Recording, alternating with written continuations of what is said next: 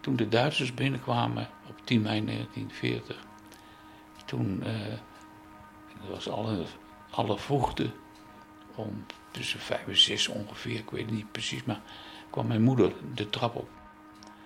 En uh, mijn zus en ik hadden ieder onze kamer boven op de zolderverdieping. En ik hoorde mijn moeder, ook dat is, vergeet je nooit. Anneke en Fritsje, opstaan.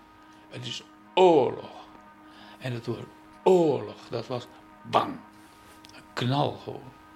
Alsof een kanon werd afgeschoten. En toen begon de oorlog.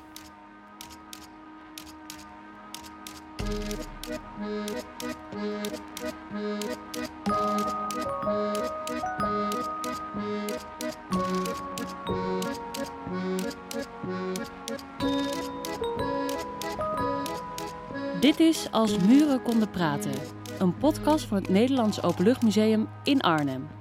Vanaf 14 april te beluisteren op jouw favoriete podcastplatform.